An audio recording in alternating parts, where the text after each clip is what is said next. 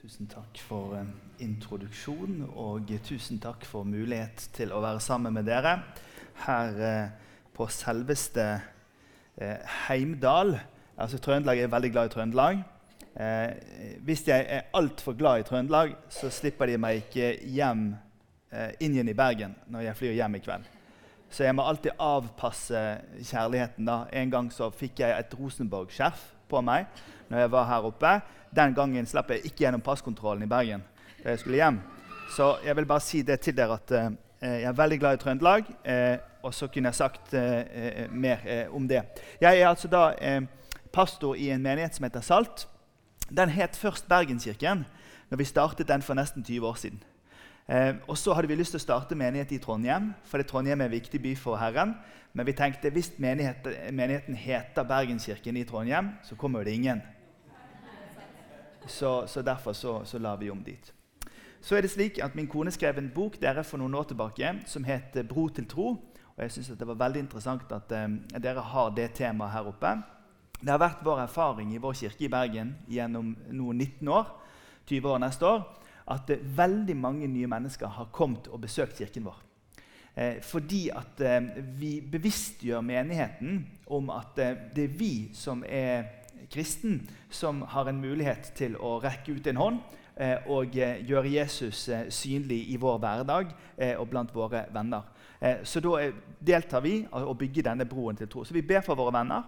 Vi bygger relasjon med mennesker som ikke tror så veldig mye. Eh, og i tillegg til det så eh, er vi åpne for å dele ord med de menneskene som ikke tror. Eh, Kristent Fellesskap, som er en menighetsbevegelse i Bergen, de hadde en erfaring av at de hadde 25 menigheter i, Norge. og, og, og alle, var, alle, var, flinke å be, og alle var, var, var helt flinke å bygge relasjoner. og sånn. Men det var fem av de 25 flokker i Norge som, som vokste, opplevde vekst. Og Det som skilte eh, de, 20, de, fem fra de 20, var at eh, de fem eh, som, eh, som, hadde en vekstsyklus, de var åpne for å dele et ord med en venn hvis de hadde, hadde en mulighet. Så det er det vi, det vi, snakker om her. Jeg skal snakke om, eh, i de minuttene som jeg har fått her i dag, om eh, et tema som går inn i samme rennet med, med, med Bro til tro. Og det handler om hvordan vi skal bete oss, og hvordan vi skal oppføre oss når vi er troende på, for Jesus i Norge i, i år 2023. Hvordan skal vi, skal vi, oppføre oss? Og I begynnelsen da vil jeg dele tre ulike briller med, med dere. Eh, de første brillene vi tar på oss, det er fra ungdomsgenerasjonen som vokser opp i Norge i dag. Mange sier at unge mennesker i Norge i dag ikke er interessert i kristen tro. Jeg er usikker. Jeg opplever mange unge mennesker åpent nysgjerrige ovenfor kristen tro. Man har ikke så mye begrep om hva det vil si å være en kristen, men man er åpent nysgjerrig på fins det eh, noe mer her i livet. Da min datter skulle ta glattkjøringskurset sitt eh, på, på, for å få sertifikat, så sa hun at hun hadde gått et år på bibelskole. Og Da var det en av de andre som var med på kurset der som sa tuller du, jeg har ikke truffet en kristen på mange år. Jeg møter blant unge mennesker i Norge i dag en åpen nysgjerrighet. Tar vi på oss brillene til min foreldregenerasjon, de som er over 70 år i Norge, og som har vokst opp med en kristen tro, opplevde at det er tydelig Hvis du er kristen, så går du på bedehuset. Du går ikke så mye på grendahuset. Eh, du ser disse tingene på TV og ikke disse tingene. Vi er med på dette og ikke dette. De som er vokst opp i Norge og har en, en kristen eh, moralfilosofi, er ganske fortvilet i Norge i dag for at ting blir så sekulært, og folk står på avstand fra kristen tro. Og mange de, de agerer med en viss type sinne eller, eller, en sånn fortvilelse over hvor er verden på vei hen. Det skjer så mye sprøtt her i verden. Så Det første brilleglasset jeg snakker om, åpen nysgjerrighet. Det andre brilleglasset jeg snakker om, det er kristne som er godt voksen, som tenker 'huff, nå går alt gale'. Og det tredje brilleglasset det er dem som er over 70 år i Norge, og som ikke er kristen. Mange av de har opplevd det religiøse Norge som dømmende, har opplevd det eh, som om de ikke strekker til, og som har opplevd veldig, at de har blitt forklart som ikke gode nok mennesker. Og er ganske bitter og egentlig litt sånn småsinte på de som er religiøse i Norge. Jeg prøver å ha med disse tre brillene når jeg tenker på kristen ledelse og kristen forkynnelse. Fordi at jeg er nå ikke rukket å bli 50 år ennå, men jeg har en klokkeklar tro på at evangeliet om Jesus Kristus fortsatt er, er gode nyheter. Og at det fortsatt gir håp til mennesker i dag.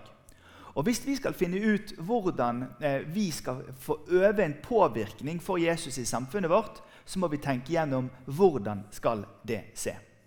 Gjennom hele bibelfortellingen dere, helt ifra Abraham i 1. Mosebok kapittel 12 opplevde at Gud kalte han ut fra Ur i Kaldea til å starte et nytt folk, så har Gud drevet med en sendelse i verden. Han sendte Abraham, han har sendt dommere, han har sendt konger, han har sendt barn, han har sendt eldre, han har sendt kvinner. Han har sendt fattig, og han har sendt rik. Og så sender han sønnen sin inn i verden. Jesus kommer inn i verden nå i Johannes kapittel 1 så står det at han flyttet inn, ordet ble menneske. Han, han, han flyttet inn iblant oss. Og når Jesus kom hit, så var han her aktivt i sin tjeneste i tre år med sine disipler. Og så sier han i Johannes 2021 så sier han, som far har sendt meg, så sender jeg dere. De brillene som vi trenger å ta på, vi som er kristen, det er det at når vi bor på Heimdal eller på Saupstad eller her i området, i Trondheim i 2023 så har vi et himmelsk mandat i det at vi er sendt av Gud. Det er meningen at det skal merkes at vi er her. Og du vet, min, eh, Vi kan tenke ungdommene vil ikke høre på oss, og så kan vi trekke oss tilbake. Eller så kan vi gjøre som min foreldregenerasjon, som er kristne og er fortvilet over det som skjer i samfunnet, og tenke nei, nå går alt galt, og trekke oss tilbake. Men det tror jeg ikke er det Herren har kalt oss til å gjøre. Jeg tror Herren har kalt oss til å involvere oss og til å vite det at vi er sendt av ham.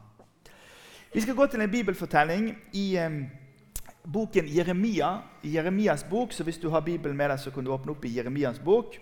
For der skal vi lese fra kapittel 29. Og det vil komme på veggen her hvis du eh, ønsker å se det der. Men året er altså 597 før Kristus. Nebukadnezar er leder i Babylon, og han har tatt med seg folket sitt, eh, og vi leser sammen.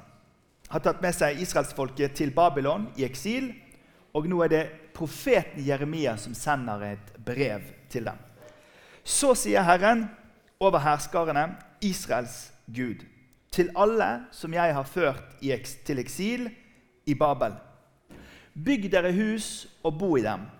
Plant dere hager og spis frukten. Ta dere koner og få sønner og døtre. Ta koner til sønnene og gift bort døtrene deres, så de kan få sønner og døtre. Der skal dere bli flere og ikke færre. Dere skal fremme fred for byen jeg, eh, som jeg har ført dere til i eksil, og be til Herren for den, for når den har fred, har eh, også dere fred.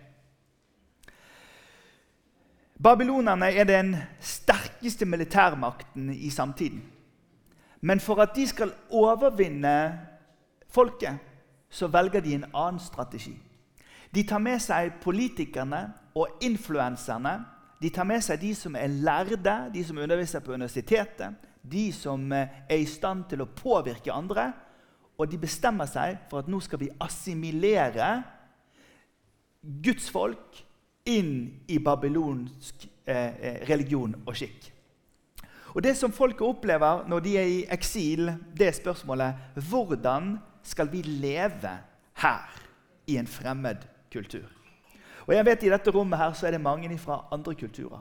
Her er mennesker fra Eritrea og fra, fra Ukraina og, og, andre land. Eh, og Vi kan ofte oppleve at når vi er fremmed, så er det å trekke seg unna gjerne det klokeste valget vi gjør for å klare å bevare vår egenart og vår tro. Men det fins et himmelsk mandat som Jeremia gir i den teksten som vi her leser. Og Det er tre ting som han ber eh, det jødiske folket om å gjøre. Det første han sier, han sier 'bo der'. sier han. Bo i byen og involver dere i byen.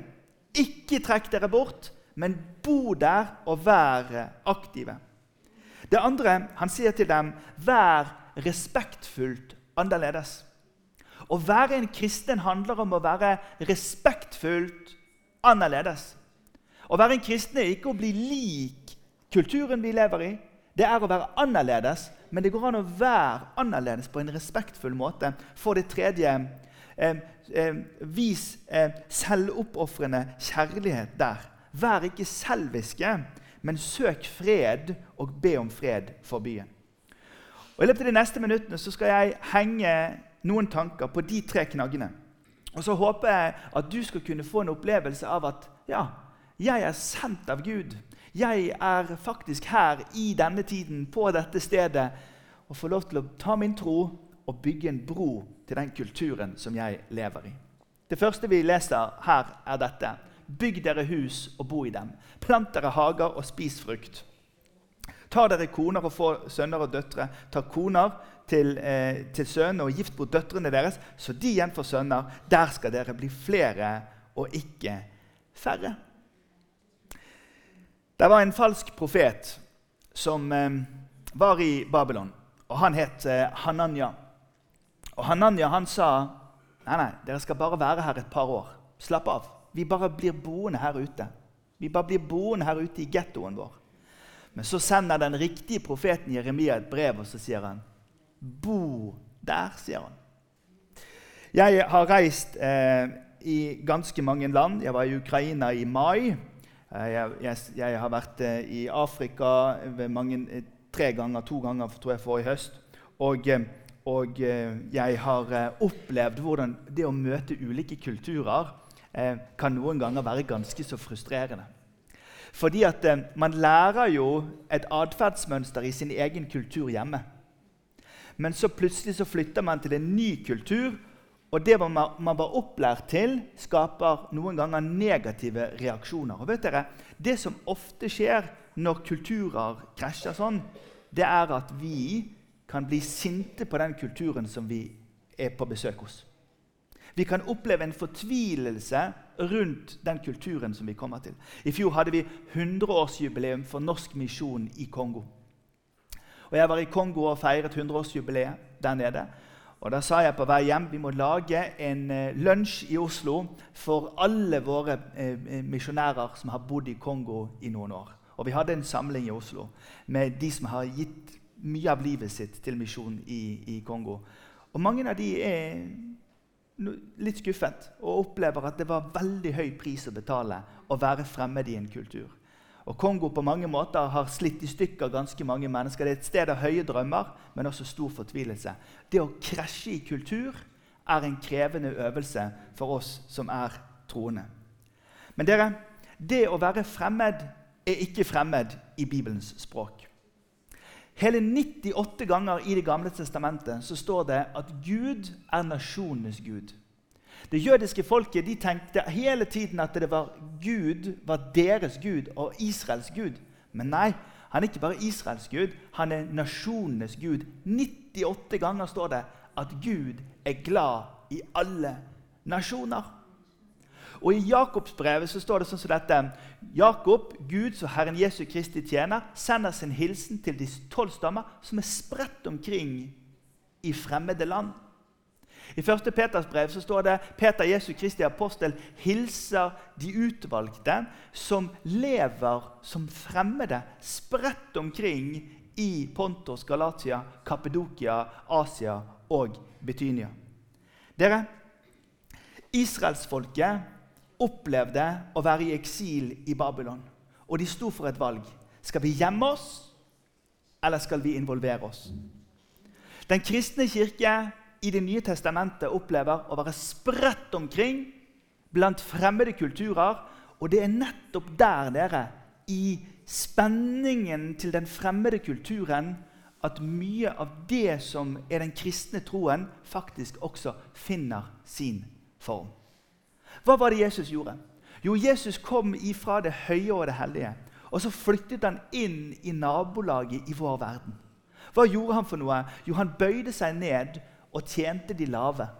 Han tok i de syke og de spedalske. Han løftet barnas verdighet kvinnenes verdighet. Han tok i mennesker fra andre etniske grupperinger, pratet med dem og involverte dem. Jesus var en fremmed. Og han har vist oss hvordan vi, når vi er fremmed, kan være slike som involverer oss i den kulturen som vi er sendt til. Og så kan vi spørre. Og jeg vet jo at mor og far, som nå er rundt 80 år, er fortvilet noen ganger når de ser på i avisene og på TV hva som skjer med Norge. Og man kan tenke hva er det som skjer i verden? Er det mot Guds vilje, eller er det Guds vilje? Se hva som står her. Det står som Nebukaneser hadde ført i eksil. Men bare tre vers etterpå så står det så sier Herren over herskeren i Israels Gud til alle som jeg har ført i eksil fra Jerusalem til Babel. Ser du at det, i den, i den ene setningen så er det Nebukadnesar sin feil. I den andre setningen så er det Gud som gjør det. Og I bibelfortellingen dere, så er det ikke sjeldent at vi har både en naturlig forklaring og vi har en åndelig forklaring på et problem. Akkurat nå så bor vi i Norge i 2023. Akkurat nå denne søndags formiddagen er vi samlet fra flere nasjoner inn i et lite kirkebygg på Heimdal i Trøndelag. Akkurat nå så har Gud en tanke om at på samme måte som Jesus var sendt, så er du og jeg sendt til å være her. Og Da må vi ikke være fortvilet av at vi er fremmede. For å være kristen i verden er å være fremmed. Å være fra Eritrea i Norge er å være fremmed. Den kristne troen finner sin form når vi er på bortebane. Så sier Herren, når 70 år har gått for Babel, så skal jeg se til dere. Da skal jeg oppfylle mitt gode løfte for dere og føre dere tilbake igjen til dette stedet. For jeg vet hvilke tanker jeg har for dere, sier Herren. Fredstanker og ikke ulykkestanker. Jeg vil gi dere fremtid og håp. Den falske profeten Hananya hadde sagt til dem ikke involver dere. Gjem dere ved byens utkant. Men hvis Hananya hadde blitt trodd, så hadde effekten av israelsfolket i Babylon vært mye lavere. Så den gode profeten Jeremia han sender kontramelding, og så sier han nei, nei, nei, nei, nei, nei, nei. Bo i byen. Plant dere hager. Gift dere. Bli flere, ikke færre. Dere, det står om den kristne troens effekt i Trøndelag at vi tror Jesus når han kaller oss med ordene 'Som far har sendt meg, så sender jeg dere'. Det Året er 2023, men dere er sendt til denne byen for å være med og bety en forskjell på denne plassen. Er du sykepleier? Er du ingeniør? Jobber du i Nav? Eller går du på Nav? Spiller ingen rolle. Det spiller ingen rolle. Du er involvert i en sendelse som Gud gjennom verdenshistorien har holdt på med. Og du kan kjenne det at du har fått et mandat til å være sendt av Gud. Vær respektfullt annerledes på det stedet dere kommer til. Jeg hadde tysk på ungdomsskolen og videregående. Og de av oss som har hatt tysk, vi husker det at eh, i tysk grammatikk, som er veldig komplisert, så er det veldig viktig med preposisjoner. Er det noen som har hatt tysk her? Ja, Der er noen som nikker, og du må få preposisjonene rett. sant? Og læreren vår var så nøye. Preposisjonen! Durchfyr gegen ohne om videre. Sant? Av, etter, om, mot, ved, fra, før, til, hos, ved, bak, blant, på, imellom, under, over, gjennom. Preposisjonene. Og Jesus i sin avskjedstale med sine disipler sier jeg ber ikke om at dere skal tas ut av verden. Ja, men jeg ber om at dere skal bevares ifra det vonde.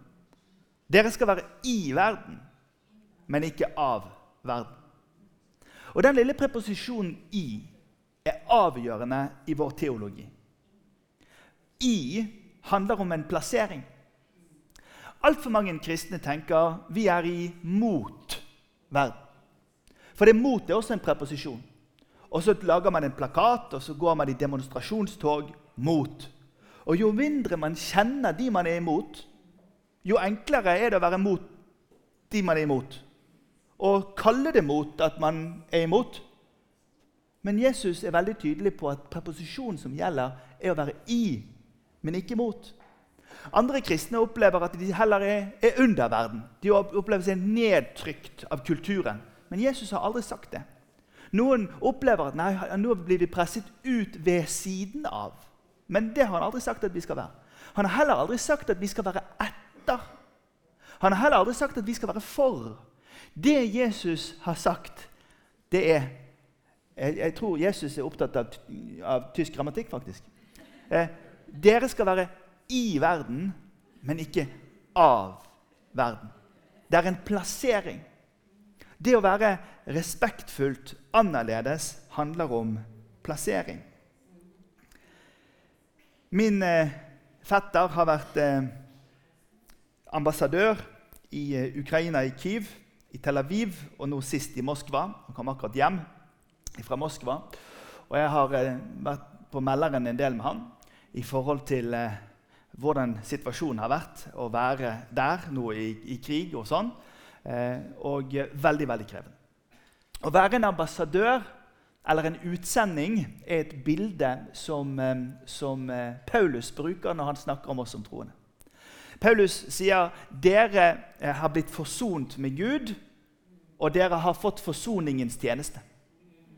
Han, eh, og, og, og, det Ordet utsending og ordet ambassadør det er et veldig interessant ord. Det å være fremmed på et sted, men allikevel ha med seg mandatet av at vi har fått en ambassadøroppgave. Paulus sier jo det rett ut. Han sier 'mitt hjemland er himmelen'. sier han. Mitt hjemland er himmelen, men jeg bor i Bergen. Det er fordi at Herren er veldig glad i Bergen. Herren har skapt tre byer i verden med syv fjell rundt. Jerusalem, Roma og Bergen. Men det er bare Bergen han vasker hver dag. Så Herren er veldig glad i den byen. Men det å være respektfullt annerledes Jeg er i Bergen, men jeg er ifra mitt hjemland, som er himmelen. Er dere med? En ambassadør kommer fra et sted, men er fullt til stede på det stedet man er i. En ambassadør lærer seg et nytt språk. En av tingene som var viktig for oss når vi startet menigheten vår for 19 år siden, det var at vi må snakke gjennom ordene vi bruker, så at folkene i Bergen som ikke tror på Gud og sånn, forstår hva vi sier. For noen ganger inne på våre kristne menigheter og i våre møter så snakker vi om ting som folk ikke forstår. Og når vi sier ord som folk ikke forstår, så forstår de ingenting til slutt. Derfor er det så viktig for ambassadøren at man lærer seg språket til den kulturen man skal komme til, for å være i stand til å snakke for dem. En ambassadør representerer noen andre enn seg selv. Tenk å være ambassadør for Norge. Tenk å være i et ørkenland og være ambassadør for Norge. Yes, I come from Norway. Og du får, du får lov til å representere fjorder og laksefiske. og oljeplattformer, Geirangerfjorden, og Galdhøpiggen og Mette-Marit. Alt dette får du lov til å representere fordi at du, du, du, du representerer noe som er mer enn deg selv. En ambassadør får lov til å gi noe på vegne av noen andre. Mister du passet ditt i Kuala Lumpur, hvor går du? Du går til ambassaden. Fordi at Er du en ambassadør, så representerer du noe som er større enn deg selv. Man kan tenke at det vi holder på med i disse kristne menighetene, kan være puslete og lite. Og i en by på 180 000 i Trøndelag så samles det noen få tusen til gudstjeneste på en søndag. Vi kan tenke at det er så forsvinnende lite. Men en ambassade er heller ikke så veldig stor. Men den representerer et helt annet rike der hvor det er. Og det er det Kirken er, dere. Vi er en slik en menighet. Dere som har tatt imot eh, Nå bommet jeg på et vers her. Dere som har tatt imot Kristus Jesus, lev da i ham. Vær rotfestet i ham og bygd på ham. Hold fast ved troen dere er opplært i, med overstrømmende takk til Gud. La alt dere sier når dere bygger bro til byen, være, fylt av, være vennlig. La det være fylt av salt og kraft. Tenk hvis vi kunne være en sånn menighet som merkes i Trøndelag. Som merkes når vi sprenger tunneler og bygger broer. Som merkes på eldresentrene. Som merkes i barnehagene og i, i trygdeetatene og hos Nav. Som merkes på idrettsplassene fordi at det fins et folk som er sendt av Gud til å være her, her og nå.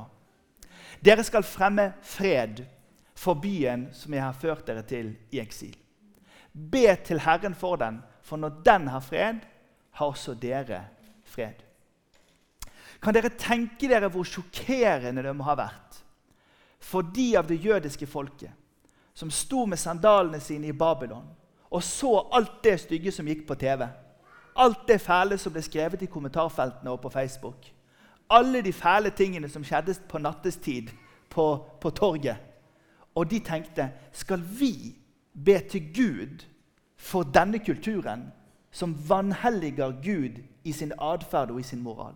Det må ha vært opprør internt blant det jødiske folket i Babylon, som tenkte Hva i all verden skal vi be for fred og framgang for det landet som vi er i? Men det er det Herren ber oss om å gjøre. Så du kan mislykkes så mye du vil valgresultatet fra forrige uke. Du kan være så sint du bare vil på samfunnsutviklingen i Norge. Men det Herren har bedt oss om å gjøre, det er å be om Guds fred over land og folk. Og fred, dette begrepet shalom som vi finner i Bibelen, er langt mer enn fravær av krig. Shalom-begrepet inneholder at jeg ønsker at det skal gå godt med din helse. Jeg vil at det skal gå godt med dine barn og dine barnebarn. Jeg vil at det skal gå godt med din elektrikerforretning, og jeg vil at det skal gå vel med hele deg og ditt hus. Det Gud ber oss om å gjøre, det er å bringe en annerledes fred inn i Trøndelag gjennom rett og slett at vi er her. Men det er jo noen ting som må endre seg. Og Jeg tenker noen ganger på dere som kommer ifra, ifra kontinentet i Afrika. Jeg har vært mye i Afrika, og jeg elsker gudstjenestelivet i Afrika. Og det er bevegelse, og det er glad sang. Og så kommer dere opp til Norge her, og det ser ut som vi alle har har vært ute i minus 20 grader og drukket whiskyjus. Så det er klart det er annerledes. Det er jo annerledes fra kultur til kultur. Og slik var det også i Babylon. I Babylon 600 år før Kristus var det synagogene ble til. Forsamlingene hvor de skulle samle seg og lære om kristen tro. Det var der de laget Talmud, hvor man skulle få et folkelig språk for å forstå Toraen. Det var der de satte i gang rabbinerne for å forklare og undervise og gjøre trosopplæring. Vet du, 600 år før Kristus, når folket var i eksil, så måtte de endre seg i sitt gudsliv for å nå fram til neste generasjon. Så vi må også i år 2023 akseptere at noen endringer er nødt til å komme. Vi er nødt til å finne nye måter å formidle kristen tro, nye sanger nye måter å samles på, nye eh, former for vårt gudsliv. Men Gud, dere, han er fortsatt den samme, og han har fortsatt en plan for våre liv. Dere er verdens lys. Dere er en by som ligger på et fjell, og den kan ikke skjules. Reformatoren Jon Calvin han krediteres med utsagnet 'Det fins en by i byen'. Og Den byen er en by som ligger på et fjell, og som ikke kan skjules. Det er den levende Guds menighet. Den levende Guds menighet er et lys, profetisk lys i samtiden. Og venner, hør på meg. Kirken har alltid gått opp og ned i effekt og størrelse. Den har alltid beveget seg. Men jeg er overbevist om, overbevist om at Kirken kommer til å få et comeback også i Norge.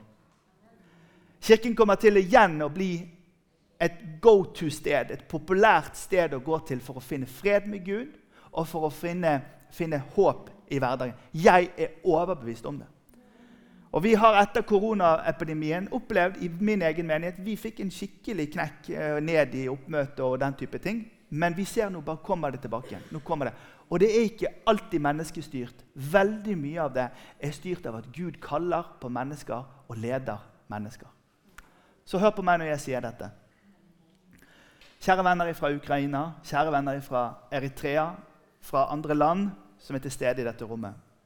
Du og jeg har et hjemland som er himmelen. Og vi føler oss alltid litt fremmed der hvor vi er. Fordi at det å være en Jesus-troende, en Jesus-etterfølgende, det, det, det krasjer med den kulturen som vi lever i. Men Herren har gitt oss et mandat.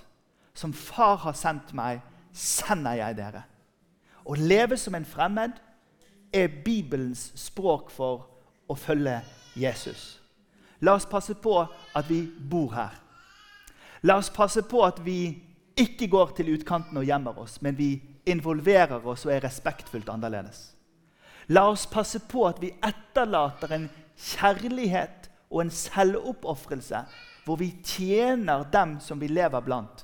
Gjør vi det, oppfølger vi det bibelske mandatet, som er at vi er lys og salt i verden. Skal vi reise oss opp, og så ber vi i sammen. Herre, jeg takker deg og priser deg fordi at det er sant at du fortsatt sender mennesker i verden i dag. Herre, vi vet ikke hva som ligger bak folkeforflytning, hva som ligger bak en flyktnings skjebne og opplevelse, men Herre, du vet det. Herre, på samme måte som eh, israelsfolket var fremmed i Babylon, men måtte bestemme seg for hvordan skal vi leve her, så ber jeg for oss, Herre. Jeg ber for eritreere, ukrainere, jeg ber for, for oss norske, jeg ber for alle nasjoner til stede i dette rommet. Jeg ber, må du ved Din Hellige Ånd lære oss å involvere oss. Må du lære oss å være annerledes på en respektfull måte. Herre, må du lære oss å be slik som du vil at vi skal be. Om fred, om framgang, i den kulturen vi lever i. Vi overlater dette og hverandre i dine hender og sier, 'Herre, lær oss å bygge en bro til tro'. Og alt folket sa. Amen.